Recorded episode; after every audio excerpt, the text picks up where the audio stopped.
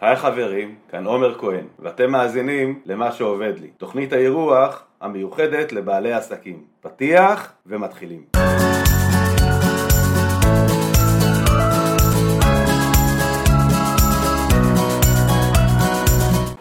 ברוכים הבאים לפרק נוסף של מה שעובד לי.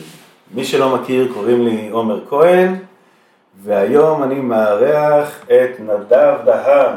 אהלן נדב. אהלן עומר, כיף להיות פה. איזה כיף שהגעת. אז אה, רגע, לפני שאנחנו נתחיל לדבר, נספר על מי שלא מכיר, את ה, וזה הפרק הראשון שלו, זה את ה, או שלה, את הפורמט של הפרק. כל, אה, בכל אה, פרק, בכל, אני, אני מארח בעל או בעלת עסק שמצליחים בצורה כזאת או אחרת, או מצליחים לתפיסתי לפחות, ואני אני, בעצם מדבר איתם על דברים שעובדים להם. חמישה דברים שעובדים להם, ואנחנו גם נדבר על איזשהו רגע של נפילה בסוף, או רגע, ש... רגע קשה. אמ, הרעיון בעצם בקדוש שיש המון דרכים שאפשר בעצם, אפשר להצליח, וגם אפשר ללמוד בעצם מכל אחד. אז אה, זה הרעיון של, ה... של הפודקאסט, והיום אני מארח את אה, נדב, אז לפני שנדב נדבר על חמישה שעובד... דברים שעובדים לך, בואו קודם כל ספר קצת למי שלא מכיר. טוב, אז אה, קודם כל כיף להיות פה, תודה שבחרת לארח אותי. אה, לא סיפרתי למה אתה פה, אז קודם כל ספר למי שאתה לא מכיר, אחרי זה נספר למה אתה פה, ואז... יאללה, כן. אז, עכשיו אתה מספר למה אני פה, לא, אחר כך. לא, תתן פתיחה ואז אני אספר. אה, טוב, אז למי שלא מכיר, נדב דהן, שש שנים בעולמות השיווק, מיתוג דיגיטל, עסקים, ייעוץ עסקי.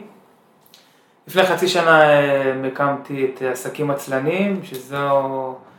זו הבשורה החדשה שלי לפחות, אה, לתודעה העסקית החדשה אני קורא לזה, אה, אני מאמין שגם נדבר על זה, כי זה הדבר הראשון בדברים שעובדים לי, מתוך חמשת הדברים. אה, בעצם בשורה התחתונה מה שאני עושה שם זה אני פשוט עוזר לבעלי עסקים לפרק את האמונה שצריך לעבוד קשה כדי להצליח, וגורם להם לעבוד במתאם לערכים שלהם, ל-DNA שלהם, לאיך שהם חושבים שנכון להצליח, ולא לאיך שהם מתוכנתים לחשוב שנכון להצליח בעסקים ובכלל. לצערי בזירה העסקית יש יותר מדי, אה, נקרא לזה אה, גורואים שמטיפים איך נכון ואיך לא נכון, ותכנתו אותנו לחשוב שחייב לעבוד קשה כדי להצליח, שזה הדבר המרכזי, ואת זה אני מפרק. מדהים. וחוץ מזה יש לך גם עוד, אה, עוד אה, חברה בעצם, יש אה, עסקים עצמאים, יש, כן, ש... יש, יש לי חברת שיווק, מיתוג ודיגיטל, שזה ככל שהעסקים עצלנים הולך וגדל, והתשוקה שלי שם הולכת וגדלה ככה, אני לאט לאט מתחיל לוותר על החברת שיווק, מיתוג ודיגיטל. כן, בשלוש שנים האחרונות הייתה לי סוכנות בקונספט המסורתי, משם זה בא עם את העסקים עצלנים, הייתה לי סוכנות בקונספט המסורתי, שאני אומר מסורתי זה משרדים, עובדים, אה, הרבה לקוחות, אה, על פניו הצלחה, אבל אה, בפנים לא, לא כזה כיף ולא כזה טוב. ולפני חצי שנה עשיתי, עשיתי שינוי בקונספט של החברה כשהבנתי שזה לא נכון לי, ושחררתי את העובדים, הבנתי שאני לא, ב-DNA שלי לא מנהל, וזה לא נכון לי לנהל, ו...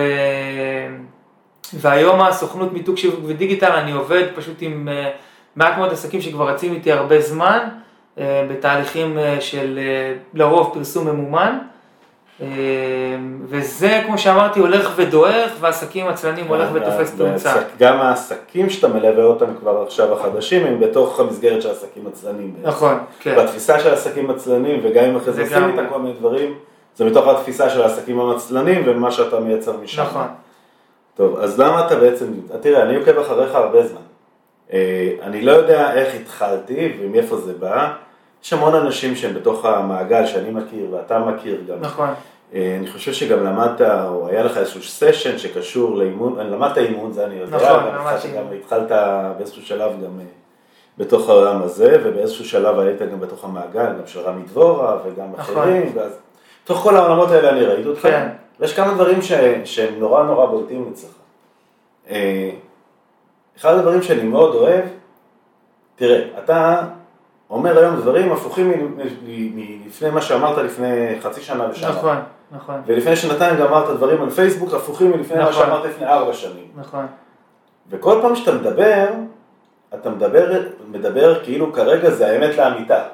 עכשיו, אני אוהב את זה, כי זה, זה, זה מראה איזשהו ביטחון של, של בן אדם שנמצא כרגע באיזשהו מקום של זה מה שאני חושב, זה מה שאני יודע כרגע, ועם האני מאמין הזה אני הולך, אוקיי? אני גם אוהב את זה שאתה בעצם בא ואומר באיזשהו שלב, וואלה, זה היה נכון לשעתו, עכשיו אני נכון. חושב משהו אחר, אז אני אומר לכם משהו אחר. אמ, אבל משהו בתשוקה שלך, בדרייב שלך, גם אם הוא בצורה עצלנית היום, הוא משהו שהוא מאוד, אה, בעיניי מאוד חזק. כשאתה רצית לעשות משהו, אתה עושה אותו, זה משהו שאני מאוד מעריך. אם זה אז שבנית את הפלטפורמות והיה חשוב לך לבנות את הדברים אצלך הכי טוב שאפשר ובצורה הכי, הכי נכונה, אני זוכר קונספטים של אתר שלך, אני זוכר הרבה נכון. דברים שעשית. ו... וגם היום, זאת אומרת, גם כשאתה נותן את המשנה היום, אתה לא בא ומרים מצלמה וזהו, אתה בעצם עוטף את זה ב... ב... ב... אולי בצורה אחרת, אבל כן, אתה עוטף, עוטף את זה בהמון תוכן ובהמון דברים, כאילו, בעצם אה, על, על עצמך. כן. והדרך הזאת היא משהו בצמיחה, משהו גם באותנטיות וגם משהו ב... במקום הזה של להגיד, כן, אני חושב משהו אחד ומחר אני חושב משהו אחר וזה בסדר, אה, אני מאוד מאוד אוהב את זה, ומשהו בזה נורא נקשר אליי בצורה כזאת שאתה אפילו, כנראה אפילו לא יודע, שכשתמיד כשאנשים היו שואלים אותי עליך, תמיד הייתי אומר, כן, נדב, נדב מעולה, לפעמים יכולתי לך שמות אחרי זה, נדב מעולה, תלכו לנדב. מבלי שהכרתי אותך אפילו, כאילו, שוב, אני לא אמרתי נדב מעולה, כן. אה, אני עשיתי אצלו והכל, ולא מכרתי אותך, אבל מכרתי כן. אותך, אמרתי, נדב, בהתרשמות שלי, עשה עליי רושם מצוין, נראה לי שהוא יכול אה, מאוד לתרום לך. וואו. כי גם כשאנחנו ממליצים, זה צריך להיות בהלימה למה נכון. שאנחנו יודעים. לא נכון, יודע. נכון. אה, ולא עשינו, לא עשיתי אצלך איזשהו תהליך שאני יכול נכון. להגיד וואלה.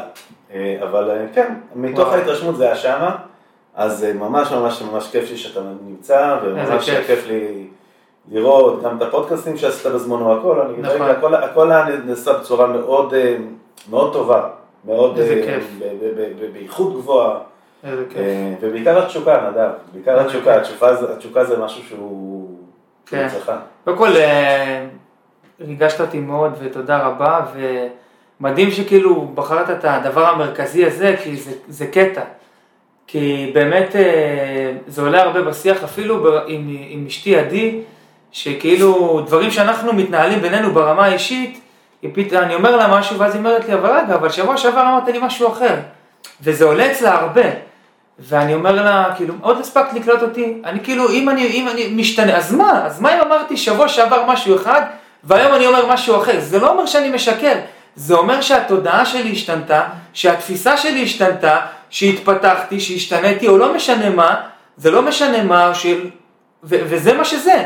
ומה שנכון לי לעכשיו, זה מה שאני אומר עכשיו, לא מה שאמרתי לפני שבוע. ואני לא מפחד לטעות, ואני לא מפחד אה, לעשות אה, טעויות או ליפול, או אני מפחד שיתפסו אותי על המילה ויגידו לי, רגע, היום אמרת, אה, אתמול אמרת ככה, והיום אתה אומר ככה, אז מה באמת נכון? אז מה שנכון זה מה שאני אומר היום, או שיכול להיות שגם מה שאמרתי אז, אבל זה מה שנכון לי היום. ואני מאוד מאוד דבק בזה, ואני חושב שזה, אצלי זה קורה בתדירות יותר גבוהה, כי אני כל הזמן מחפש להתפתח. כל הזמן, אני כל הזמן שואל שאלות, זה ב-DNA שלי, אני כל הזמן מטיל ספק, אני לא מקבל את המציאות כמו שהיא, אני לא מקבל את הדברים כמו שהם, אני כל הזמן מחפש להשתנות ולהתפתח, וכתוצאה מזה, זה, זה, אני פוגש את זה מלא את מה שאמרת, כי אנשים אומרים לי, רגע, אבל שבוע שעבר כתבת ככה, איך היום אתה כותב ככה? אז מה? מה, מי שהייתי שבוע שעבר, זה לא מי שאני היום. אז זה מדהים שבאמת כאילו ששמת לב לזה וזה עלה, ו... וזה בסוף אגב, גם, זה אתה, זה מה שאתה חושב, זה נכון, כמו שאמרנו, נכון. זה, זה לא כאילו האמת האבסולוטית, כאילו מי נכון. אנחנו, באמת, באמת, באמת, מי אנחנו, דיברנו קצת מקודם על אמונות וברואי עולם והכל, מי אנחנו שנדע מה האמת האבסולוטית, נכון, ברור. הכל ה... וזה ברור. כאילו, אגב, כל הגורו של הנה כן. שיטתי ואתה צריך ואתה חייב. רבאק, מה אתה חייב? אתם חייבים חייב. להיות, מה חייב? חייב. לא חייב כלום. לא- לגמרי, אני חושב. עכשיו כשאנחנו מדברים על זה, אני חושב שכאילו אחת הסיבות שאני פוגש את זה הרבה, כאילו שאנשים אומרים לי, רגע, אבל אמרת ככה וזה, אני חושב שזה מהמקום שכאילו אני, אני בן אדם מאוד אמוציונלי, ול, ולכן הרבה פעמים כשאני אומר משהו זה נתפס הרבה פעמים כחד משמעי, אבל זה חד משמעי עבורי, ככה אני מדבר עם עצמי. זה לא חד משמעי עבור כולם. ובגלל שאני אומר את זה ככה, אז אנשים כאילו תופסים את זה מאוד ומאוד מאמינים בזה ומאוד כאילו מזדהים עם זה, ואז כשאני אומר משהו אחר, הם אומרים, רגע, מה אתה רוצה לשגע אותי? הרגת אותנו, תגידי, מה, הרגת אותנו. עד ששכנעת אותי על זה, אתה עכשיו משכנע אותי על משהו אחר. אז אני חושב שזה מתקשר לזה, זה מצחיק, אבל זה אגב, יש. עוד משהו, שגם אין מה לעשות, הטכנולוגיה והמציאות היא משתנה. אני- סתם זוכר אפילו דברים קטנים, נגיד פייסבוק, אוקיי? היה לי נכון. איזה דיון עם מישהו וזה, אמרה לי, תראה לי מישהו, ואני, תעבדו רק בפייסבוק העסקי לפני כמה שנים. ואמרתי להם, הנה, אה, תראה לי אנשים שעובדים בפייסבוק הפרטי, ונתתי 1, 2, 3, 4, 5 שמות, ונתתי גם את השם שלך. ואז היא אומרת, טוב, בסדר, אוקיי, לא השתכנעתי, לא משנה, ואז פתאום אתה קצת אחרי זה קם ואומר, תעבדו רק מהעסקיים, ואז כשנתיים אחרי זה שוב תעבדו מהפרטים. אבל גם הפייסבוק עצמו זה השתנה, אתה יודע, זה לא רק אנחנו משתנים. נכון. הטכנולוגיה, אנחנו עובדים הרי בתוך טכנולוגיה. שבוא הנה, מה עכשיו יבוא, יש דברים שקשורים ל-AI, שאנחנו אפילו לא יודעים עדיין מה יהיה ומה לא יהיה. נכון. שכל מה שיכול להיות שדיברנו עכשיו, להגיד לאנשים, בואנה, זה, זה, זה חרטא. זה לא כאילו, רלוונטי. זה לא רלוונטי, נכון. לא, זה, זה לא חרטא. זה הנכון לשעתם. אז נכון לשעה הזאת ולדקה הזאת, נכון. זה מה שאתה הכי מאמין בו. נכון, נכון. וככה אני בכל אה, תחומי החיים. זה מדהים. אחלה. יאללה, אז בוא נתחיל. מה יאללה. הדבר הראשון? הדבר הראשון שעובד לי, טוב, נכון להיום, כן? יכול להיות שמחר אני אגיד כן. משהו אחר. נכון להיום, לא, אבל אני מבין שככל שאני מחובר יותר ל-DNA, אני רואה שאותם דברים עובדים לאורך הרבה כן. זמן. ומה שהדבר הראשון זה להיות עצלן, עסקים עצלניים. אה, מה שהכי עובד לי היום, והאמת שזה, כשאני אומר עובד לי, זה לא רק ברמת ה...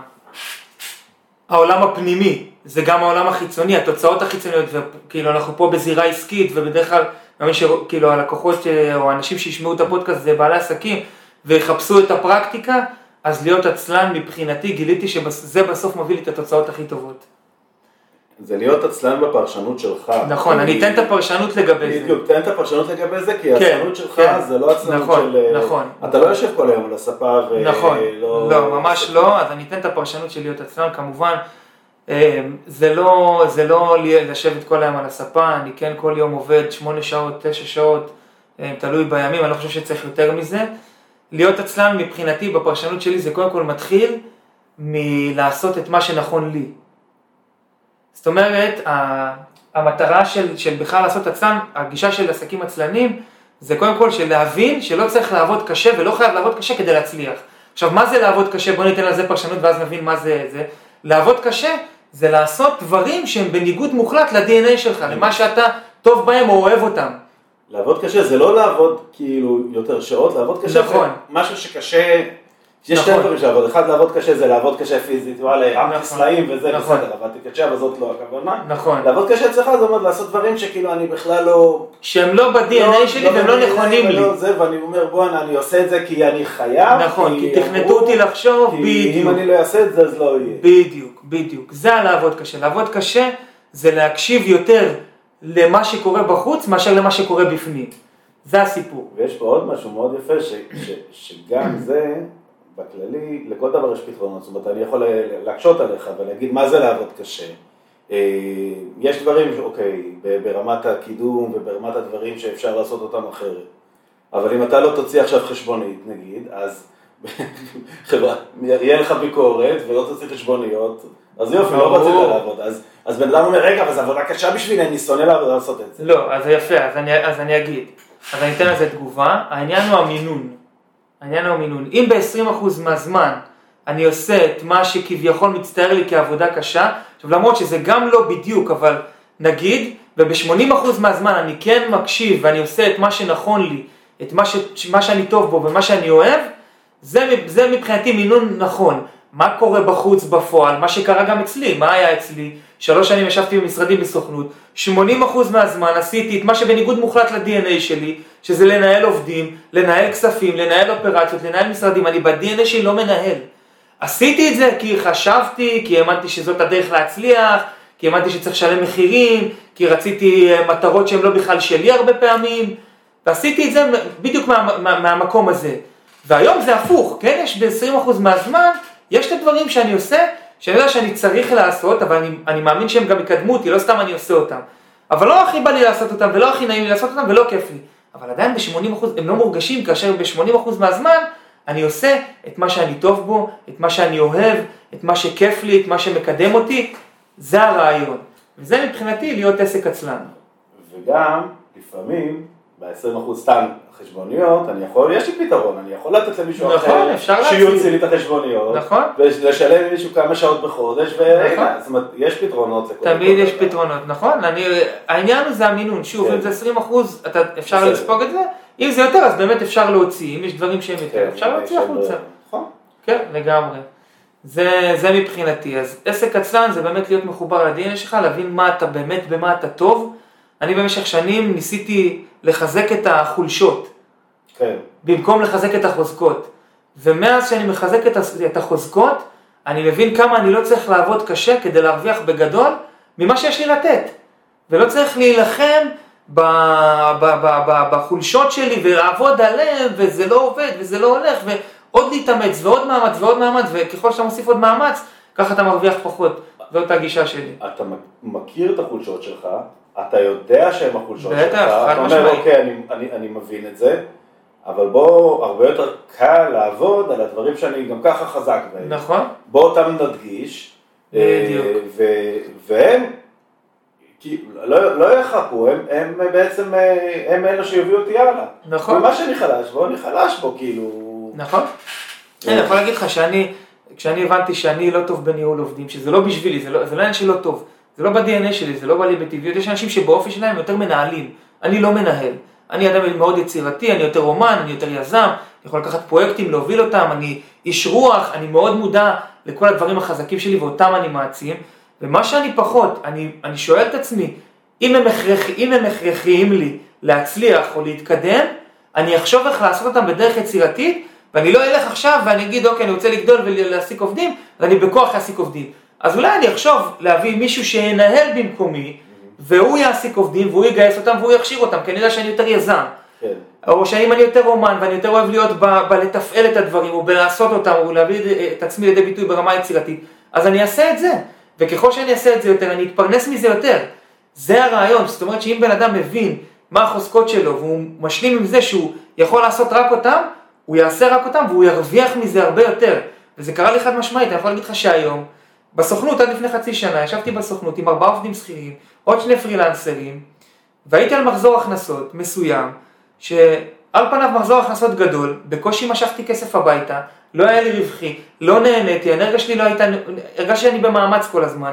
היום אני לא מעסיק עובד אחד, אני עושה כמעט את אותו מחזור הכנסות שעשיתי עם ארבעה עובדים, לבד, בלי עובדים, בלי כלום, אני לא עובד קשה, אני לא מתאמץ, אפילו יש לי הרבה יותר זמן והרבה יותר אנרגיה.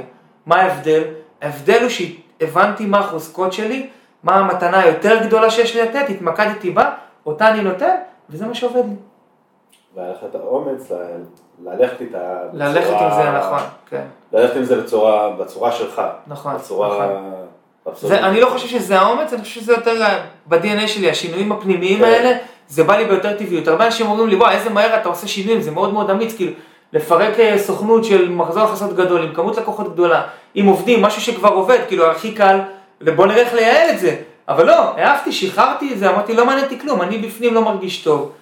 ושחררתי את זה, אז אני חושב שזה פשוט בא לי בטבעי. אצלך זה הולך גם מהר, אתה יודע, כל אחד זה, שוב, זה גם, כן. להכיר את עצמך באופי שלך, כן? אני ניתן לך דוגמה. הפודקאסט הזה, אני חשבתי עליו לפני שנה ומשהו, אנחנו עכשיו מקליטים בסוף כן. יוני. לפני שנה בכלל כבר עלה לי הרעיון, הרעיון לפני שנה ומשהו. הקלטות ראשונות היו בכלל אה, שלושה ארבעה פרקים ראשונים, הקלטתי אותם בכלל בינואר, ועכשיו אה, העליתי לאוויר סוף, סוף אה, יוני. אני שנה, מבין? שנה אני כן. מדבר, שנה אני מדבר על הפודקאסט. גלית משתגעת, כן. אמרת לי בוא'נה, עד שאתה מדבר, עד שאתה עושה... כי לכל אחד יש את הקצב והדרך שלו בעצם נכון. להוציא, להוציא משהו, אוקיי? נכון? עכשיו אתה, יש לך רעיון, אתה מתהפך איתו, לא יודע מה, אתה מוציא אותו כאילו... תלוי, משהו- תלוי מה זה, אני חושב שזה תלוי אם זה בתוך ה-DNA שלך. בדרך כלל אנחנו דוחים דברים שאנחנו יודעים שאו שיהיה לנו קשה לעשות אותם, או שזה לא בא לנו בטבעי, או שזה לא נוח לנו, לא נעים לנו, או לא יודע מה, איזה סיפור. אני אספר לך- מה אצלי, למשל. כאילו אמרתי, אוקיי, יש לי את העסק העיקרי, שזה בנייה ו- וניהול אתרי אתרים. אינטרנט, אתרי אינטרנט, בנייה ועיצוב אתרי אינטרנט, שם אני בטח לא האומן רוב הזמן, אוקיי? אני לפעמים מתאבד, מתפעל, לפעמים היזם, המנהל או כל מיני דברים כאלה. אבל זה העסק, זה הדבר העיקרי, ואמרתי, רגע, עכשיו אני אלך לאיזשהו משהו, שאני בכלל עכשיו אסע, ואראיין, ויעשה, וישקיע, ויעשה את הכל, ואתה יודע, אפילו אני מציג פה, מציג פה איזשהו vision מסוים, ש, שאני לא אני במרכז, הרי כל פעם אני מארח מישהו נכון. אחר, ואם תשאל אנשים בפרסקל שיגידו לך, מה פתאום, זה לא חכם. כי מה חכם? שים פודקאסט שאתה במרכז, נכון. אתה עושה את הפודקאסט כדי, נכון. כאילו, כדי למקם את עצמך כאוטוריטה וכל מיני דברים כאלה. ואיפשהו לש- לשכנע את עצמי ולתת לעצמי את האוקיי הזה, שזה בסדר, שמותר לי, שזה בסדר, שזה לא יפגע לי בכלום. שאם עכשיו הייתי נוסע אליך וכאילו מוציא חצי יום ונוסע אליך לפתח תקווה, כמו שהת- שהתכוונו, על פניו, שזה לא בשום דבר שקשור לאג'נדה העסקית שלי כרגע, זה לא רק שזה לא יפגע בי, זה אפילו יתרום לי. ולקח לי המון זמן להבין את זה בראש שלי, כן. על מנת, וכל עוד זה לא, לא שכנעתי את עצמי עד הסוף, אז זה השתכנעתי בדצמבר, ינואר הקלטתי, ואז באמת היו שלושה ארבעה חודשים שידעתי שאני לא יכול להשקיע בזה, אז עצרתי, וממאי התחלתי להקליט שוב, ויצאנו לאוויר. כאילו, זה. מה שנגיד מה שהיה אצלי. כן. אז אני, גם עלה לי משהו גם בהקשר הזה, בעניין של התודעה, כאילו באמת חיכית על ה... זה פשוט התודעה שלך הייתה צריכה להתבשל עם הדבר הזה, ואז זה קרה מהר. פשוט לא, לקח זמן בתודעה אולי להתבשל עם זה. נכון. וזה הוביל אותי באמת לתובנה שגם רציתי להוסיף על, על עסק עצלן, של, של מה זה באמת הדבר הזה, זה שאני הבנתי בחצי שנה האחרונה, כאילו אחרי שנים של עבודה קשה, שבעצם התוצאות שלי הן לא תוצר של הפעולות שלי, הן תוצר של התודעה שלי.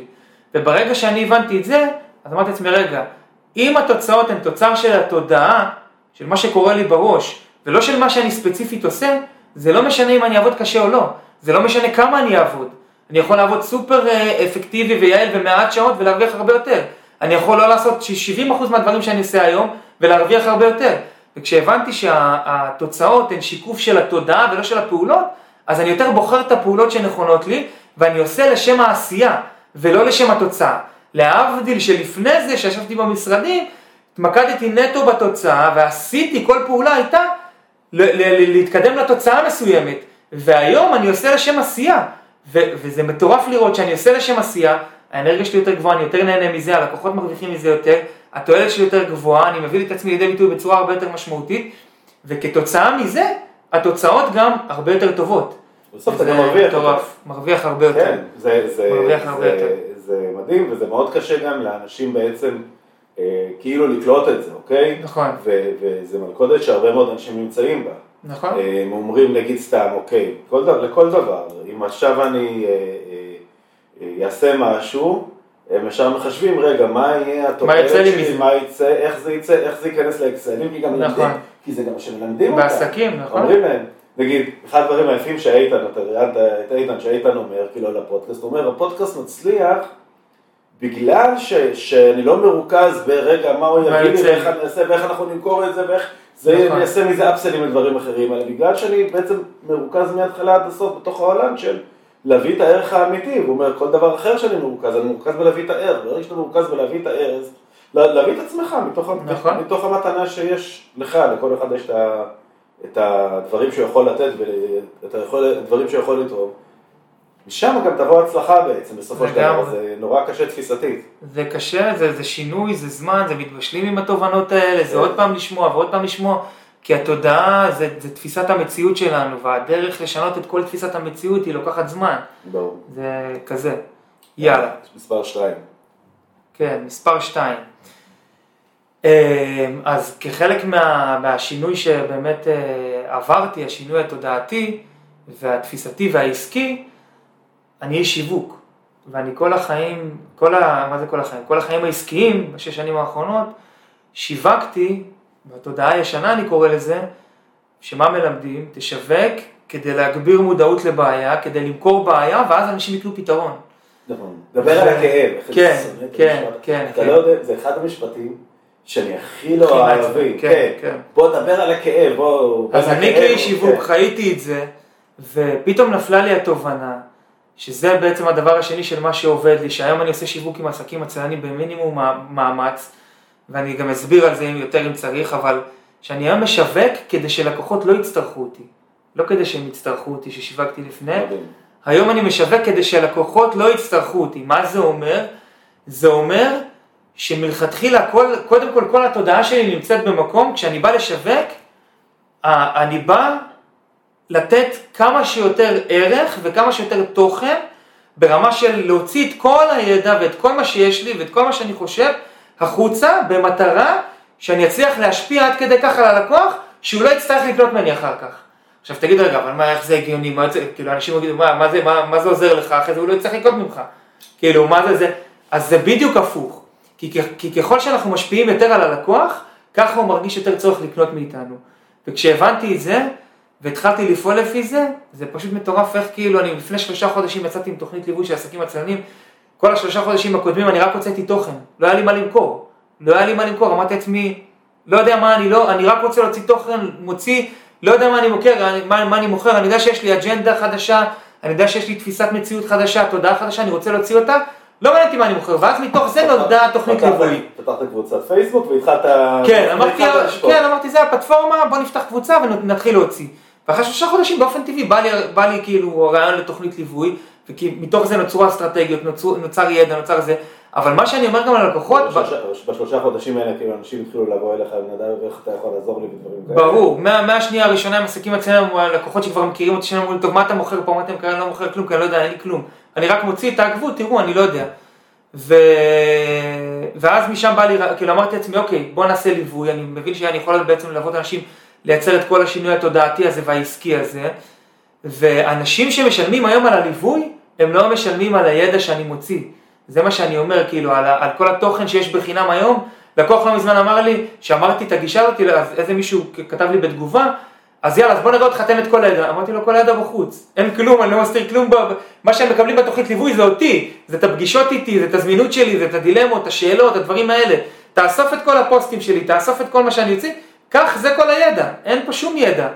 וזה מה שעובד לי היום, ולקוחות מתמקדים בזה, ואני יכול להגיד לך שעסקים עצלנים, כל פוסט שאני מוציא, כל מייל, תמיד, תמיד, תמיד אני מקבל הודעות בפרטי, ומיילים חוזרים, ותגובות, והשפעה מטורפת, ואנשים כותבים לי דברים שלפני זה, בחיים לא כתבו לי לקוחות ששילמו לי כסף, שקנו שירותים ממני, לא כתבו את, ה, את הגודל של ההשפעה. אז אני, מה שעובד לי זה לשווק כדי שלקוחות לא יצטרכו אותי. זה גם, יש פה איזשהו סוג של, אה, בתפיסה הקודמת, יש איזשהו, כאילו, אתה סומך יותר היום על האינטליגנציה של הלקוחות.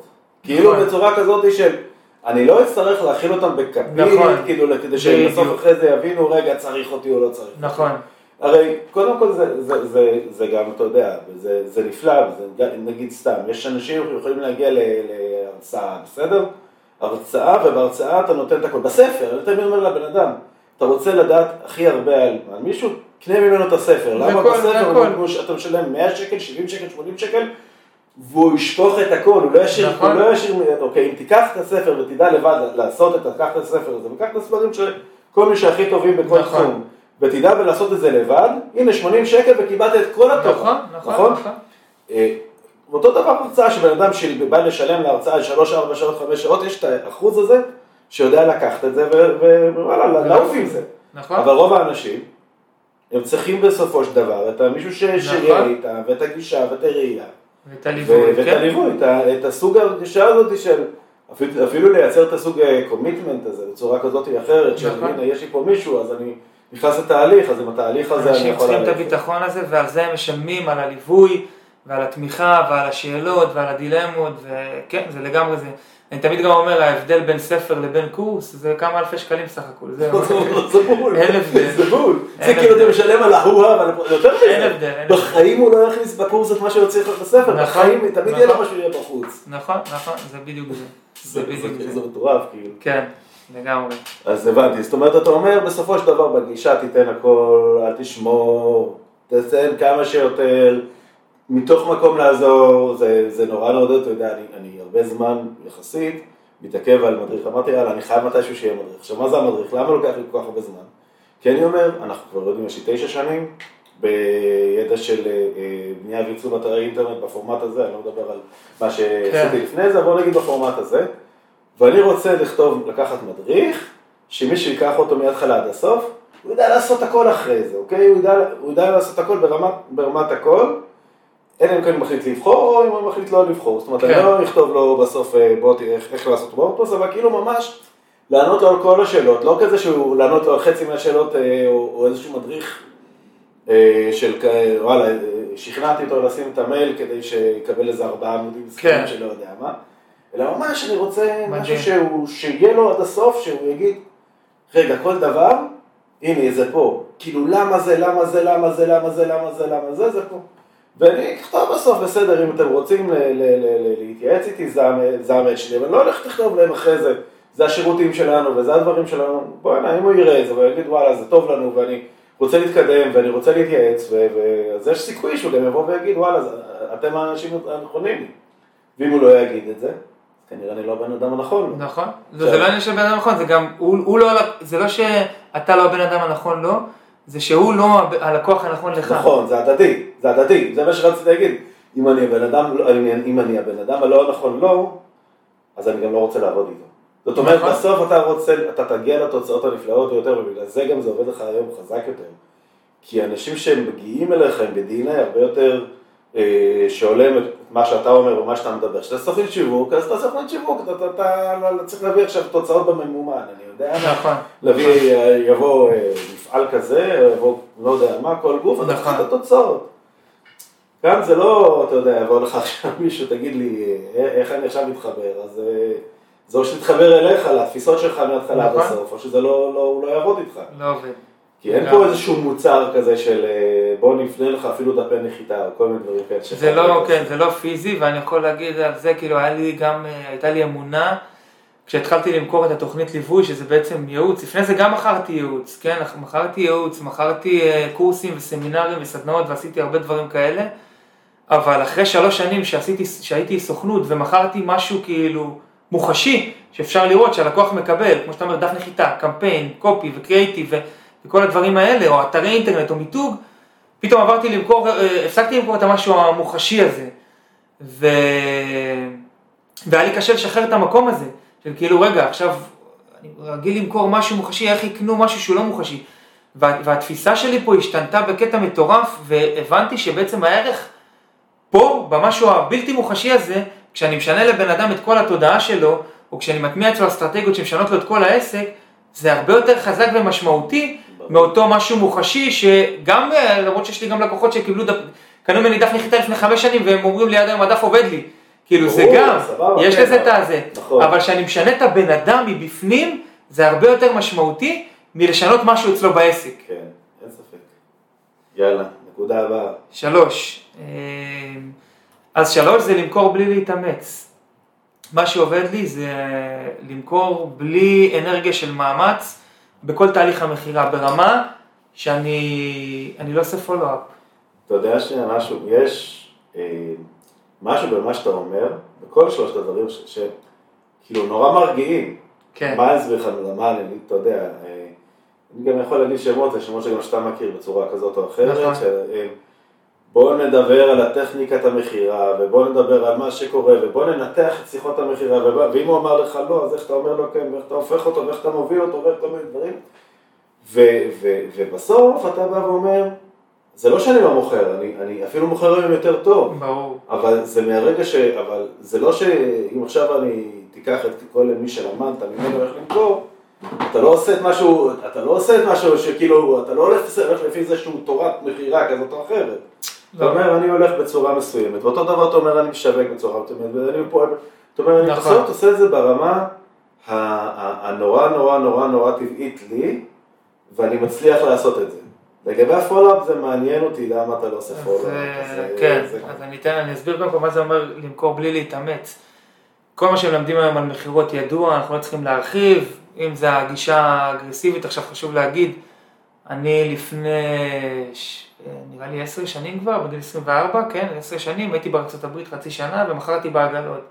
ושם שלמדים על מכירות זה שלא נדע, בוא נגיד, זה הדין, זה, זה, סליחה, מה שקורה בארץ זה הדין לעומת מה שקורה שם. כן.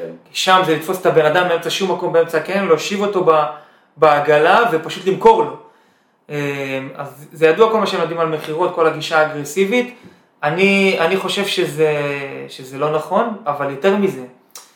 זה לא, לא רק שזה לא נכון, אני מוכר בלי שום אלמנט של מאמץ מצידי. זאת אומרת, כן יש לי מסגרת, אין לי תסריט, אין לי תסריט למכירה, בואו נגיד, נגיד את זה חד וחלק, כן יש לי תהליך שאני מעביר את הלקוח, כן יש לי מסגרת שנותנת לי, שאני יודע מה אני הולך כאילו פחות או יותר מה לדבר, איך להוביל את זה, כי בסוף אני, אני מסתכל על זה כתהליך מקצועי שאני מעביר את הלקוח. כאילו רוצה רגע גם לשקף לו ברמה המקצועית מה אני יודע לתת, גם להבין אם אני אה, הבן אדם שיכול לעזור לו, כמו שרופא מאבחן את החולה, אם הוא יכול ל- לעזור לו. אה, אבל אני לא מכניס אפילו לא טיפת אנרגיה של מאמץ. מבחינתי התנגדות, אם הלקוח מעלה התנגדות, אני לא מטפל בה. בכלל. הוא יכול להגיד לי, זה יקר לי, הוא יכול להגיד לי, אני צריך לחשוב על זה, אני אגיד לו, אחלה, תחשוב על זה, דבר איתי. עכשיו, למה אני פועל מהמקום הזה? יש הרבה סיבות. קודם כל, הדבר המרכזי זה שאני מאמין שהלקוח צריך לקבל את ההחלטה לבד. ברגע שאני מתערב לו בהחלטה, זאת אומרת שאני עכשיו מתחיל לחשוב איך לפרק לו את ההתנגדות, או אני עכשיו מפעיל אנרגיה של לחץ, או אני עכשיו קצת דוחף אותו לקחת החלטה, אני מאמין שבסוף זה לא לקוח מרוצה. זאת האמונה שלי. למה? כי אם הוא נכנס, וזה לא נכון, שוב, אין פה אמת אחת, זה לא נכון גם לכל עסק או לכל תחום, אני מאמין שזה יותר נכון בעסקים של שירות, שמוכרים, אה, שמוכרים בעצם איזשהו מוצר או שירות, שיש בו אלמנט של להעביר את הלקוח תהליך. כשאני מעביר את הלקוח תהליך, אני חייב שהוא יגיע בשל ושלם עם עצמו לתוך התהליך הזה.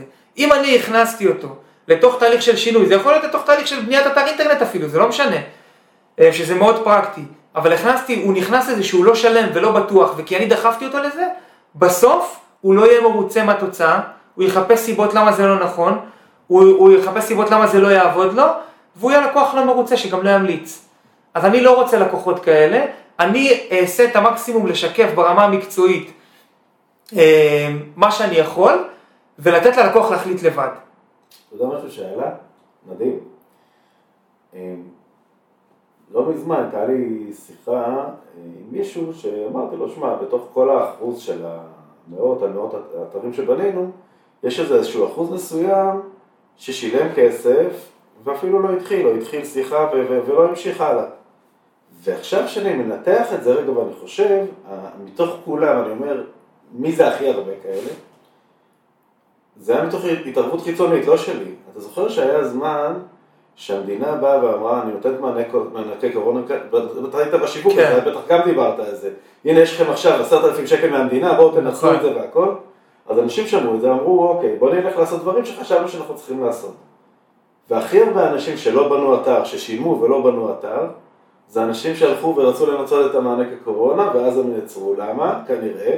כי זה לא באמת בער. נכון. זה ישב אצלם איפשהו במקום שהם... נכון? אני צריך לבנות אתר. אז הם, ש- אז הם רואים, ועכשיו יש הזדמנות שמישהו משלם לי, נותן לי 5,000 שקל כולל מה מתוך זה, שזה מדהים. נכון. אז... אבל, אבל הם לא התחילו, כי זה עדיין, זה לא בער בהם, זה לא ישב להם, זה לא... נכון, נכון, זה בדיוק אותה סיבה, שזה זה לא באמת בא ממקום שהם באמת צריכים את זה, או מבינים שהם צריכים את זה, או רוצים את זה. זה, זה בא מהמקום הזה.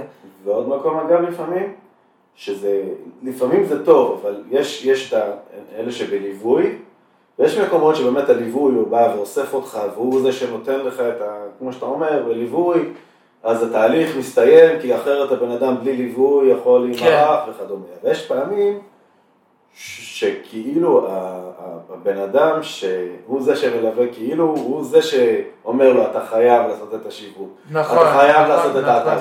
ואז גם שם לפעמים הבן אדם כאילו נעצר, כי, כי זה לא, זה לא הוא לא מתאים שלם, לו, זה לא, הוא נכון? לא, הוא לא שלם עם זה. זה לא- בדיוק המקום, לגמרי. אה, הדבר השני שבגלל, ש, ש, ש, שאני בעצם מוכר בלי מאמץ בכלל, בלי האנרגיה הזאתי, זה שאני אה, הבנתי שאני לא רוצה לעבוד עם לקוחות לא מדויקים, אפילו ברמת, גם אם הלקוח מדויק ב-99%, אם יש אחוז אחד, אני מעדיף לא לעבוד. ומבחינתי, כשאני צריך להכניס אנרגיה של מאמץ, זה לקוח שהוא לא, לא נכון לי, הוא לא מדויק לי. ואני אתן לך דוגמה אפילו ממש לא מזמן, שכאילו, אני גם נופל בזה לפעמים, כן?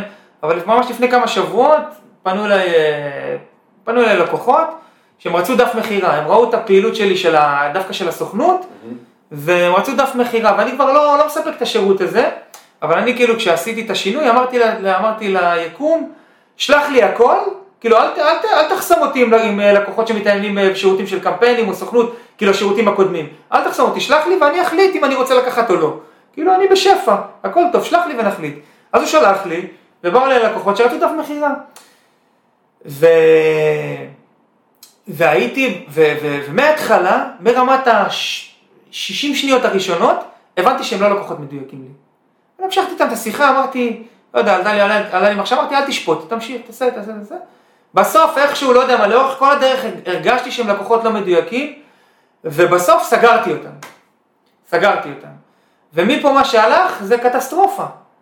כל, ה, כל, ה, כל התהליך בכללי, ההתנהלות איתם, הם לא היו מרוצים מזה, ואז הם לא היו מרוצים מהדבר הזה, ואז הם לא היו מרוצים גם מזה, ולא היו מרוצים מכלום הם לא היו מרוצים, ברמה שתראה מה זה, כמה שלקוח לא מדויק, כמה האנרגיה משפיעה, בטעות כששלחתי להם את העמוד סליקה, בטעות הגדרתי שם גם הוראת קבע.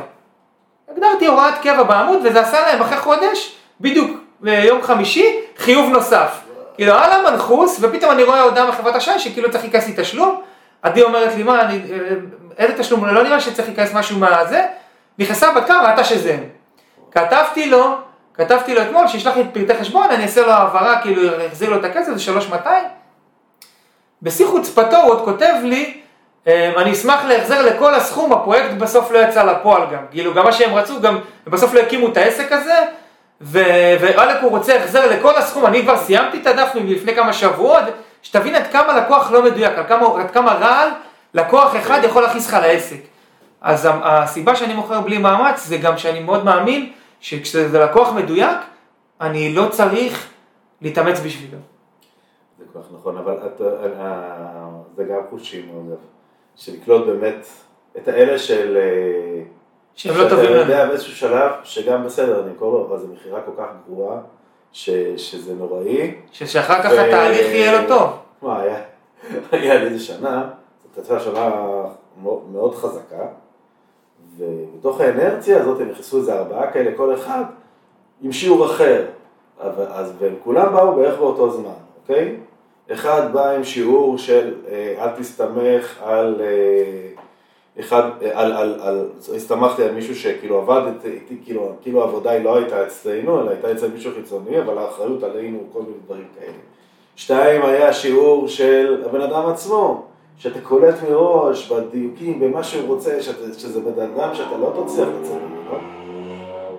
וארבעה שיעורים כאלה, כל אחד שיעור אחר, וכולם נפלו כאילו כמעט כן. ביחד, וכאילו, מה, שיעורים שיעורים, אבל כמה, כמה, כמה כמה, צריך ללמוד, אבל כן, זה בדיוק זה, זה בדיוק של, על כולם יכלנו מההתחלה להגיד, stop, נכון זה כסף, נכון זה פרנסה נכון. ילדים, אבל זה לא שווה את זה. זה לא שווה את זה. היופי שאתה מוותר על זה, יבוא משהו אחר יותר טוב. זאת אומרת, לגמרי, יש לך פניות יש לך לזה, לא? אנרגטית. יש לך פניות. נכון, אתה יודע, זה בדיוק העניין, אני תמיד אומר שעל כל אה, לא, לא שאני אומר, בדרך כלל מה אומרים, על כל לא שאתה תשמע, תשמע, אה, על כל מאה לא תשמע כן אחד.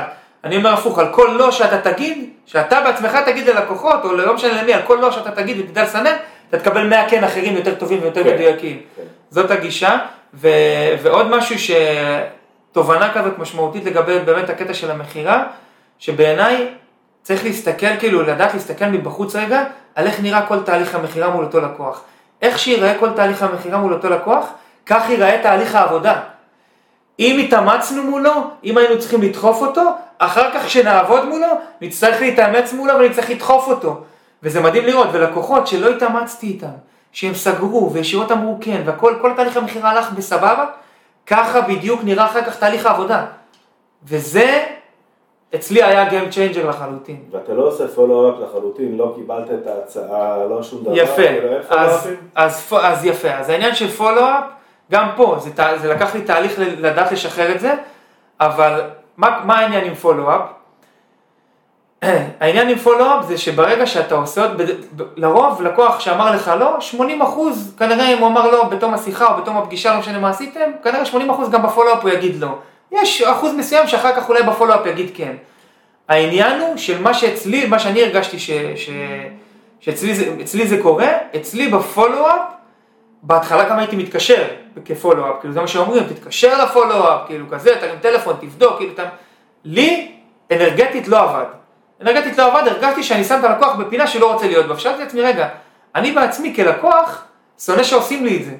אם אמרתי לו, אני, אני בן אדם החלטי, אמרתי לעצמי, רגע, אני בן אדם החלטי, אני, אני מבין עניין, אני יודע לקרוא את הזה. אם ראיתי, קיבלתי הצעה, הכל טוב, אני אומר לו, לא. אם, אה, אין, צורך שיתחיל לעשות לי פולו ויתחיל לשגע אותי ולמכור לי בכוח.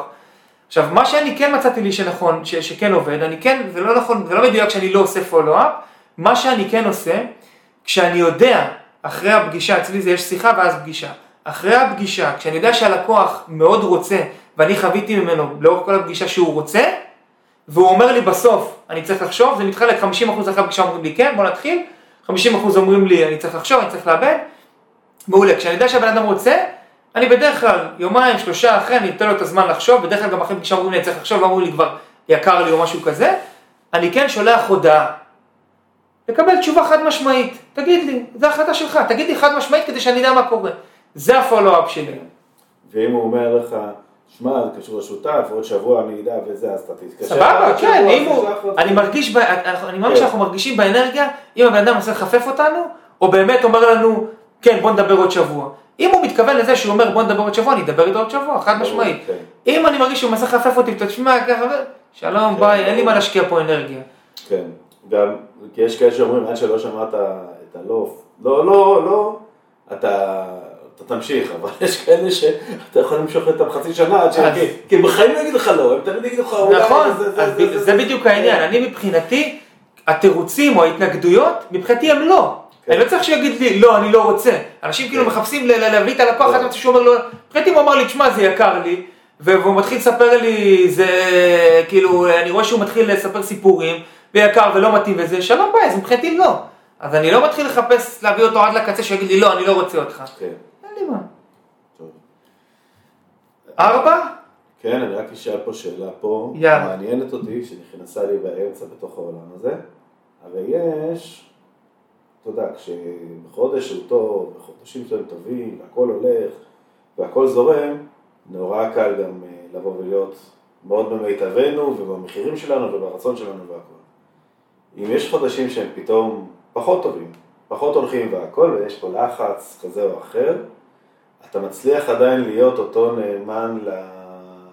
למקום שלך, או שאתה בא ואומר, פה, החודש הזה, אני ציפה חייב להגמיש את עצמי ציפה בצורה כזאת. אין אחרת." לי, אין לי את זה, וחד, זה בצורה חד משמעית, שמבחינתי כשיש חודש פחות טוב בתוצאות, זה היום, זה לא משפיע עליי בשום צורה, ואני מקבל על זה כל הזמן שיקופים מלקוחות. כאילו לקוחות בתהליכי ייעוץ, הם מגיעים ופתאום יש חודש קשוח, והם משקפים, ורק השבוע לקוח שיקף לי שהחודש הולך לו קשה, והוא רצה, הוא בא עם רעיון, והוא אומר לי כל הסופה שחשבתי על זה, באתי עם רעיון, אני החודש חודש לחוץ, אני רק על 15-20 אלף שקל הכנסות, אני רגע אכניס את ה-40, את הזה, ועוד מעט נגמר החודש, ופה ושם, חשבתי על זה, והוא אומר לי, "אה, אני חשבתי על זה כל הסופש, יש לי הרבה לידים שהיו אצלי, והם אמרו לי, יקר לי, כאילו לתוכנית ליווי הגדולה שלי, הם אמרו יקר, וחשבתי להציע להם מוצר יותר קטן.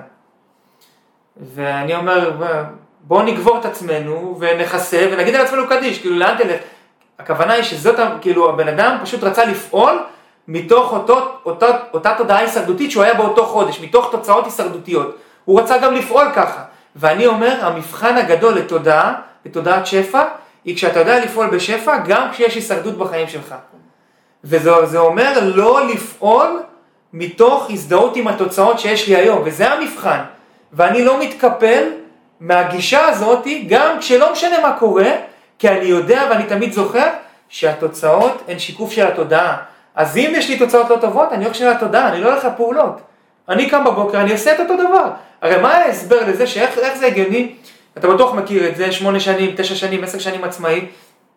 איך זה הגיוני שיש לנו חודשים יותר טובים, חודשים פחות טובים, ואנחנו מסתכלים אחורה, אני אומר, בואנה, פה עשיתי את אותו דבר מה שאני אעשה החודש. מה ההבדל? ההבדל זה התודעה והאנרגיה שהיינו בה. יודע. ברוב שאתה מסתכל על זה אמיתי, נכון? אתה בא ואומר, אוקיי, חל, אלא אם כן, אתה יודע, היה פה פתאום מצב, כן, משהו, כן, לא יודע השפיע... אבל כשאני מסתכל גם זה תודעה אגב, נכון, גם זה נכון, תודעה. נכון, נכון, זה גם תודעה אגב, זה גם הרבה מזה תודעה. אה, שוב, אני לא מדבר, גייסו אותך למילואים, הכניסו אותך ללבנון ועכשיו אתה לא בעסק, בסדר? נכון. אה, אבל בכללי, אה, מה שאני בא ואומר, אמרתי לבנון, כאילו זה, אתה יודע, כן. אני רץ עדיין על המלחמות של של פעם, כן. על המינויים שלי. אה, ומה שאני אומר בקטע הזה, נגיד, של, התודעה, שאני מנתח את זה, אני בא ואומר, כן, זה לא עונות, וזה לא שום דבר. שום דבר. זה מה, איפה, אני הייתי באותו מצב, אתה באמת קולט שזה בסוף המון המון המון מה הרגשנו, ומה שידרנו, ובאיזה אנרגיות פעלנו, ו- לגמרי, ו- זה ו- זה. וזה זה, זה, זה מדהים. זה בדיוק זה. אני יכול להגיד לך שאני התחלתי לקדם את התוכנית ליווי של עסקים עצמאיים לפני כשלושה חודשים, זה היה בדיוק בשיא של ההפגנות בארץ. והיה דיבור על יוקר המחיה, והיה את ההפגנות, והיה את ה... אה, כל מה שקורה ברמה המשפטית, וביבי, לא ביבי, אתה יודע, כל הבלאגן הזה. ו... ו... ו... ואמרתי לעצמי, איך אני עכשיו אקדם? כולם בהפגנות, באמת הרגשתי שכל המדינה בהפגנות.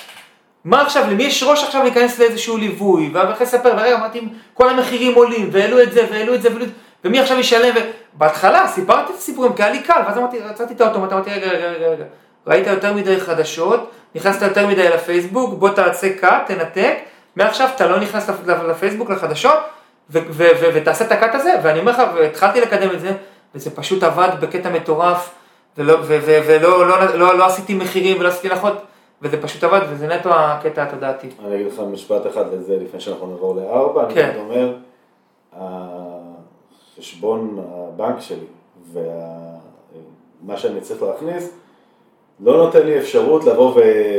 ובאמת לשמוע סיפורים מבחוץ. אני פועל ואני מאמין שהכל זה, ו... ו... ובסוף אגב, אגב, בסוף, עם כל הדברים, ו... וזה גם של אנשים קשה, אתה מבין שבסוף אנחנו לא צריך כל כך כאילו הרבה, אז תמיד יהיה מספיק אנשים שיש להם, ותמיד יהיה מספיק אנשים שהם יכולים עדיין לבוא ולשלם ולעשות וכדומה, אבל בואו נלך לארבע. כן, מדהים.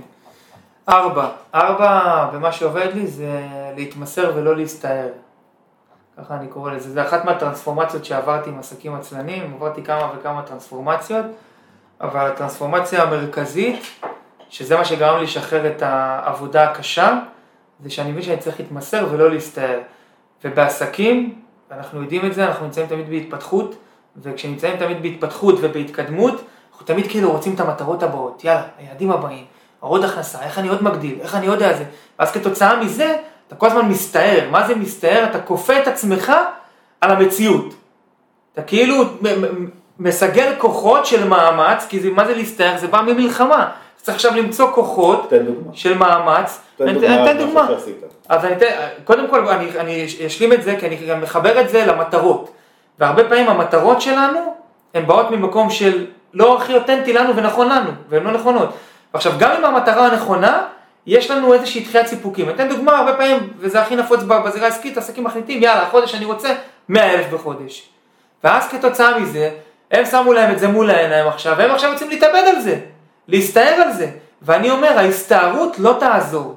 מה כן יעזור? ההתמסרות. מה זה ההתמסרות? למה להתמסר? קודם כל, לעצמי. להבין שלי יש קצב משלי, יש לי קצב משלי, וזה שהגדרתי מטרה, זה לא אומר שאני אשיג אותה עכשיו תוך חודש או תוך חודשיים, אני יכול להגדיר לי מטרה, אבל אני מתמסר ממקום שאני יודע שאני אשיג את המטרה בקצב ובתזמון הנכון לי. לא מה שאני חושב שהאגו רוצה שאני החודש אעשה ככה, זה לא עובד. אני יכול להגיד לך ששחררתי את המקום הזה, אני באמת בלי פוקוס בכלל על ההכנסות, אני הגעתי להכנסות מטורפות. בלי פוקוס על ההכנסות. למה? התמסרתי, הבנתי שיש דרך, ואני יכול להגיד לך שגם עם עסקים עצלנים, נגיד, מאוד בוער לי, מה זה בוער לי? יש לי את המקום של רגע, יאללה, בוא נעשה פודקאסט. לא, אני אומר, בוא נחכה שזה יקרה באופן טבעי. הכל טוב, הפודקאסט יחכה, יש דברים עכשיו שאני צריך יותר לעשות, יותר חשובים. ואני לא כל הזמן במרדף הזה של לעשות עוד ועוד ועוד דברים שאולי יובילו אותי לתוצאות מסוימות. הדבר השני זה להתמסר מהמקום של אמונה, להבין שלא הכל תלוי בי. התוצאות שלי לא תלויות רק בי. איזה משחרר ומרגיע זה. זה תלוי באנרגיה, זה תלוי ביקום, זה תלוי בבורא עולם, כל אחד במה שהוא מאמין בו, אני מאמין שיש גורם עליון, לא יודע, אני היום קורא לו היקום, אני, אני גם מאמין באלוהים, אני יכול לקרוא לזה גם בורא עולם, אני מאמין בשניהם, ואני מאמין שיש להם התערבות בדרך שלי, להביא אותי למטרות, ואני מאמין שהם מכוונים אותי בקצב שלי, בדרך שלי, למטרות, ואני אגיע אליהם מתי שהם חושבים שאני בשל להגיע אליהם. ומה שלי נשאר לעשות זה התפתחות תודעתית. לא עבודה של הסתערות, לא פיזי, לא אה, לעבוד קשה. אחד הדברים הכי קשים זה להגיע לתוצאה כשאתה לא בשל, באמת להגיע לאותה תוצאה, לחוות את אותו דבר, שאתה לא, שאתה, אתה יודע, דוגמה, אחת הדוגמאות הטובות זה בעצם זכייה ב... נכון. בן שפתאום מקבל, לא משנה מאיפה, פתאום נופל לו, נופל על הסכום כסף סכום גדול, כאילו מטורף. והוא מאבד אותו. ואז הוא לא יודע מה לעשות, כי הוא עדיין לא בתוך איזושהי תודעה של להיות בתוך הדבר הזה. מי שגדל על נכון. זה, או מי שלאט לאט לקח את זה, זה הדברים שאמרתי לך שאנחנו נוריד או לא נוריד, ואני כבר דואג תמיד שלא יהיו לי צלצולים, והפעם לא דאגתי, אבל זה יישאר. זה יישאר, הצלצול, היה לנו בדיוק שיחה עם מה מורידים ומה לא מורידים, לא מורידים כלום. לא מורידים כן. כלום, כולה הייתה שיחה, הכל טוב, יאללה, כן. בוא נחזור לקשב. לקשב, כן. אז זהו, אז זה באמת אה, אחלה מעולה, אני, אני מאוד אה, מאוד אה, לוקח, ובואו ניקח את הנקודה החמישית. יאללה, אז חמש, אה, זה להתמקד ברווח ולא במחזור. אה, זה מעולה. ופה אני במשך שנים התמקדתי במחזור הכנסות, וסיפרתי לעצמי שככל שהמחזור הכנסות יהיה יותר גדול, אני באופן טבעי ארוויח יותר, הסתכלתי על זה גם על שפע, ככל שאני אעסיק יותר עובדים, אז אני מפרנס יותר אנשים, אז אני משפיע יותר, אז אני ארוויח יותר. אז זהו שלא, ממש ממש לא. ואחד הדברים שאני הבנתי, וזה פתח לי את כל היצירתיות, שהמחזור לא מעניין אותי. לא מעניין אותי מה המחזור ההכנסות שלי. מעניין אותי כמה בסוף נשאר לי רווח, הבי... רווח שאותו אני יכול למשוך הביתה, או להשאיר אותו ולעשות איתו דברים, לא משנה. כמה בסוף הרווחתי. וזה המיקוד הכי, הכי מרכזי שלי בעסק, וכשאני מבין את זה, זה בא לי בעצם ממקום שהייתי עם סוכנות, עם עובדים, מחזור הכנסות גדול, בסוף בקושי משכתי הביתה ועבדתי כשאמרתי לעצמי, רגע, מה אני צריך לתפעל את כל הדבר הזה, לשלם מחירים כל הדבר הזה, בשביל למשוך 10, 15, 20 אלף שקל הביתה? אני לבד, לבד מהבית, בשעתיים ביום, ידעתי, כאילו היה לי את המחשבה הפנימית הזאת, גם כשישבתי עם המשרדים, לבד מהבית ביום עם 4-5 לקוחות, אני עושה 20-30 אלף שקל בחודש, ובלי הוצאות, בלי כלום, ואני מושך את כל זה הביתה. אז אני אשלם קצת מיסים, אשלם קצת פה שם. מה, מה הסיפור פה, מה, בשביל זה אני עושה את זה? ואז פתאום התחלתי לחשוב, בוא נראה באמת איך אני יכול להתפרנס בלי הוצאות, בלי כלום, בלי שום דבר, להגיע לרווחיות מאוד מאוד גבוהה, כי אני התחלתי להסתכל על כל ההוצאות האלה כגם אחריות מסוימת, כטרחה. להעסיק עובד מבחינתי הייתה, היה טרחה, וזה גם לדאוג לעוד מישהו, זה גם לדאוג שתהיה לו עבודה, זה גם לדאוג שיהיו כל הזמן לקוחות, ש...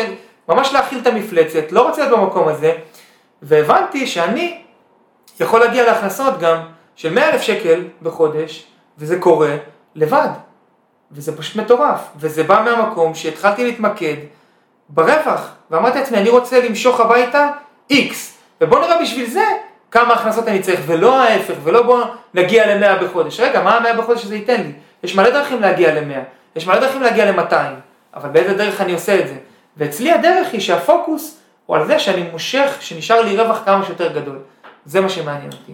לא, זה מזכיר לי, ישבתי פעם, עבדתי במכירות באורנג', אז כשהתחלתי לעבוד באורנג', אה, שנת 2000 בערך. אה, אז קראו לזה, זה לא היה פרטנר, זה היה פרטנר, כולם הכירו אותה כאורנג'. והלכנו, ישבתי, היה איזשהו מישהו, צי משאיות מאוד מאוד גדול, וישבתי איתו שם לקפה ודיברנו. והוא אומר לי, אני אגיד לך את האמת, עם כל הצי הזה וכל הדבר הזה, אני, אני מושך בסוף הביתה בערך אותו דבר כמו שהיה לי את המשאית 2 כן. 3 הראשונות. אה, והנקודה היחידה היא שרק היום יש לי הרבה יותר, הרבה יותר, הרבה יותר כאב ראש מסביב לזה, לעומת מה שלא היה לי אז.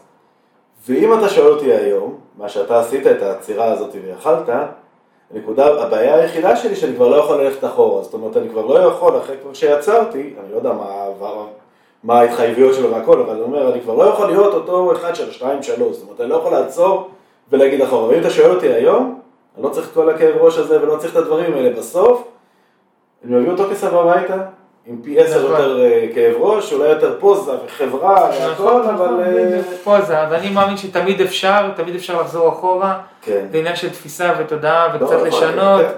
ואין פה שאלה, בסוף העסק, אני מסתכל עליו כפלטפורמה לקדם את איכות החיים שלי, ולא הפוך. אני קידשתי את העסק יותר מדי במהלך השנים, קידשתי את העסק וראיתי את זה כמשהו שעכשיו זה הפוקוס שלי, זה המרכז שלי, זה ליבת החיים שלי, זה הקריירה שלי, אבל לא, היום אני מסתכל עליו כפלטפורמה לכל דבר, הפלטפורמה הזאתי בסוף עוזרת לי להשיג את החיים האישיים שאני רוצה, בין אם זה במחיה, בין אם זה ב, ב, בסגנון שאני רוצה, בין אם זה בלהיות עם המשפחה, בין אם מה אני רוצה להעניק לילדים שלי בעתיד, מה אני רוצה להעניק לעצמי, זה פלטפורמה להשיג את, את כל הדברים האלה, זה ככה אני מסתכל על זה. אז אה, כשמסתכלים על זה ככה, בסוף מבינים שלא צריך את כל הגדול. אני, זה שיעור שאף פעם לא היה לי מחשבה להיות עסק גדול, זה, זה אף פעם לא כן, היה, זה, זה, מדהים. זה לא, לא החלום שלי. מדהים. למשוך הרבה יותר כסף מהחברה תמיד, תמיד אני ארצה.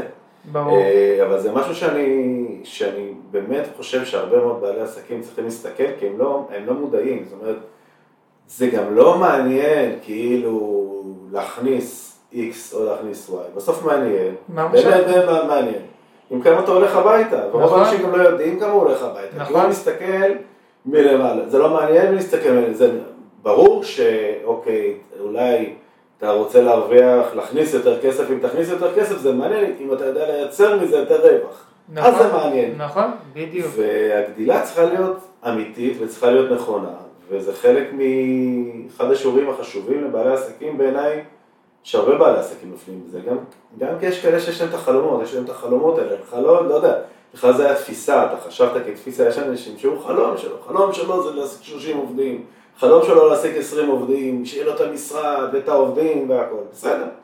אם זה נכון. החלום זה בסדר, כל עוד אתה. יודע לגבות את זה גם עם מספרים בסוף. נכון, נכון. יש חברות שיש להן 20 עובדים והבעלים אחרי זה הולך עם אחלה משכורת הביתה והוא עוד מבסוט, זה לא שאין כאלה. ברור, ברור, חד משמעית. זה מאוד מאוד תלוי בבן אדם. נכון. טוב, רגע לפני שאנחנו מסיימים, בוא נדבר על אה, איזשהו, אתה יודע, בסוף אנחנו, אנחנו גם משקפים את זה, כל השיחה היא משקפת את זה, שיש פה עליות ויש פה מורדות ויש פה דברים שהם קשים ויש פה דברים שהם קלים וגם דיברת על זה. אבל אה, תן איזושהי נקודה מסוימת שישבת ואמרת, בוא'נה זה... נפלתי, לא נפלתי, וכאילו מה, מאיפה הלכנו, יכול להיות שזה באמת היה הסוכנות, או יכול להיות, אפילו בסוכנות, מה היה הרגע הזה שפתאום באת ואמרת, זהו, כאילו, כן. הסוכנות, אה, הסוכ... כאילו מה שקרה בינואר 2023, יותר נכון בדצמבר 2022, שהחלטתי לפרק את הקונספט של הסוכנות כמו שזה היה לפחות באותה תקופה וגם לשחרר את זה, זה היה, זה היה אחד השינויים הכי משמעותיים שלי בחיים, אין ספק, זה מה שגם עזר לי להקים את עסקים עצמיים ולהתחבר באמת לרמה יותר עמוקה, אבל זה היה גם קצת ממקום חזק, זאת אומרת זה היה ממקום שכן היה לי, יכול להגיד שהסוכנות לא הייתה רווחית בעליל וכן לקח לי זמן אה, לשחרר שם דברים והעובדים ומשכורות ופנסיות עוד שהייתי צריך להשלים להם וכל מיני דברים, זה לא היה רווחי בכלל, אה, אבל אני אלך קצת אחורה, שש שנים לפני שבכלל הגעתי לעולם האימון, שזה שם היה השינוי המאוד מאוד משמעותי שלי, ששם אני פשוט הגעתי למצב אחרי שש שנים, אני בא, בא מבית שאן במקור, עזבתי בגיל 21 ל- למרכז וחייתי לבד, ואחרי שש שנים כאלה אה, הגעתי לאיזשהו משבר, כי לא ידעתי מה לעשות, לא הייתי באמת מספיק מחובר לעצמי, ידעתי שאני לא בן אדם של ללכת ולעשות תואר, גם לא למדתי בבית ספר כל כך, בטח לא התחיל להשלים בגרויות או דברים כאלה, זה לא היה בשבילי, וידעתי שאני בן אדם של חופש, ו... אבל הגעתי למצב,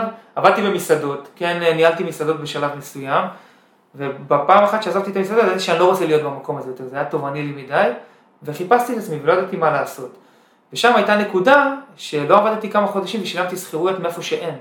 ועשיתי הכל כדי לא לחזור להורים, וגם אף אחד לא ידע על זה, וצברתי חובות, ניסיתי איכשהו לשרוד, וזה, אני זוכר, היה גם ערב אחד שממש, כאילו פתחתי את המקרר ולא היה לי מה לאכול, כאילו הלכתי לישון רעב, שזה היה נראה לי. הנקודה הכי קשה שלי בחיים, מה שאני זוכר לפחות, ופשוט הלכתי לישון רעב, ו...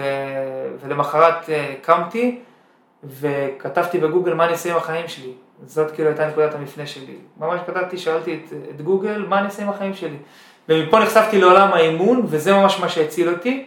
פתאום ראיתי איזשהו אור בקצה המנהרה, הלכתי והתעניינתי וראיתי קורס באיזושהי מכללה, ואמרתי, את זה אני רוצה. וכשאמרתי, את זה אני רוצה, לא היה לי איך לשלם את זה כמובן, ולא היה לי זה, אבל הבנתי שאני, כאילו, הרמתי את עצמי מהספה, מה שנקרא, וממנהל מסעדות, שעד לפני כמה חודשים שניהלתי מסעדות, הלכתי ל... אמרתי, טוב, מה אני יודע לעשות? אני יודע להיות ברמן. עכשיו, אין לי עצבים עכשיו להתחיל לחפש מנהל מסעדה, זה גם לא בשבילי, אני רוצה להתקדם בתחום. בוא נלך, נחזור לברמן. חזרתי לגיל 21 כביכול, אבל שם אני יודע לעשות כסף לפחות, ואיכשהו זה, המטרה הזאת הרימה אותי מהרצפה, ואז עזר לי לשלם את הקורס, ומפה התחלתי את הדרך, והאמת, כאילו, באמת יאמר לזכותי, השינויים המהירים, התודעה שלי היא, הראש שלי חושב מאוד מאוד מהר. אז כאילו מהר מאוד הרמתי את עצמי, ומהרגע שעשיתי את הקורס, כבר במהלך הקורס, התחלתי לאמן, כאילו התחלתי לקלוט לקוחות. כאילו, לא עניין אותי פרקטיקום, שמקטיקום, כל הדברים האלה שהם עושים, וזה אמרתי, מה, אני יכול לאמן, יאללה, תביא לי לקוחות. פשוט התחלתי והנעתי את עצמי. התחלת את הפרקטיקום לפני הפרקטיקום. ממש, כן, אני באמת בקורס שלי היה הראשון שכבר התחיל אה, לקלוט, אחר כך הראשון שעשה הרצאה על הסיפור חיים שלו והוציא ספר על הסיפור חיים שלי, אה, ילד פריפריה, זה ספר שהוצאתי, סיפרתי את זה, ואחר כך הרצאה והסדנה, ומפה הכל מאוד מאוד מהר, מהר מאוד התגלגל, ונכנסתי באמת לחמש-שש שנים של עשייה עסקית מאוד אינטנסיבית, והאגו מאוד השתלט במקום הזה. והשינוי הנוסף הכי משמעותי, שזה מה שהחזיר אותי לפני חצי שנה, זה הסתירה המצלצלת הזאת של האגו. שמפה הבנתי שאני לא צריך את כל זה. אני לא צריך את כל העטיפה, אני לא צריך את כל ה"תראו אותי", אני לא צריך להוכיח, כאילו הילד פריפריה גדל, התבגר, הוא לא צריך להוכיח לאף אחד שום דבר, הוא לא צריך שיראו באיזה משרדים הוא יושב, והוא לא צריך שיראו כמה לקוחות יש לו ואיזה הכנסות יש לו, הוא לא צריך את כל הדברים האלה. ומפה שחררתי את זה, ונולד עסקים עצלניים. מדהים. כן. אחלה. תענוג. טוב, הגענו לסוף הפרק, היה, היה מרתק בשבילי. גם בשבילי מאוד נהניתי אה, לשמוע, ואני מאוד מאוד מתלבט, יש לי איזושהי מילה אחת שאני אה, לא מתלבט, מתלבט זה היה, זה מאוד מזדהה רציתי להגיד, החלפתי במילים. יש מילה אחת ש, שעלתה לי בפנים, לא אמרת אותה, אמרת אותה כל הזמן מסביב, אמרת אותה בהתחלה, זה בסוף ערכים, אתה, אתה בסוף, אחד הדברים החזקים, אתה נאמן לערכים שלך. נכון. אתה, אתה רואה מהערכים ואתה פועל לפי אותם ערכים נכון. שלך, וזה המצפן בעצם של כל הדבר הזה. לגמרי. ככל שאתה יותר נאמן לערכים, אמרת, אני לא הייתי, כשלא הייתי אני, זה כי לא הייתי נאמן לערכים שלי, הערכים נכון. זה בעצם המצפן, וכל אחד עם המצפן שלו בעצם. לגמרי. אז נפלא, אז מדהים. תודה רבה. תודה רבה. תודה רבה, הגענו לסוף עוד פרק של מה שעובד לי. אמ, המון המון המון תודה. אם הגעתם עד לפה, שעה ומשהו, וואו. אז uh, המון תודה שהגעתם והקשבתם, ומי שכמובן לקחתם מפה משהו, תעשו עם זה קודם כל משהו, וגם בא לך לך לשתף את זה, נשמח בכל דרך שהיא. חפשו אותנו בפייסבוק, מה שעובד לי בקבוצה, שם אפשר להגיב, שם אפשר לתת, אה, שם אפשר להגיב, לשאול שאלות או כל דבר אחר. תודה רבה ונשתמע בפרקים הבאים.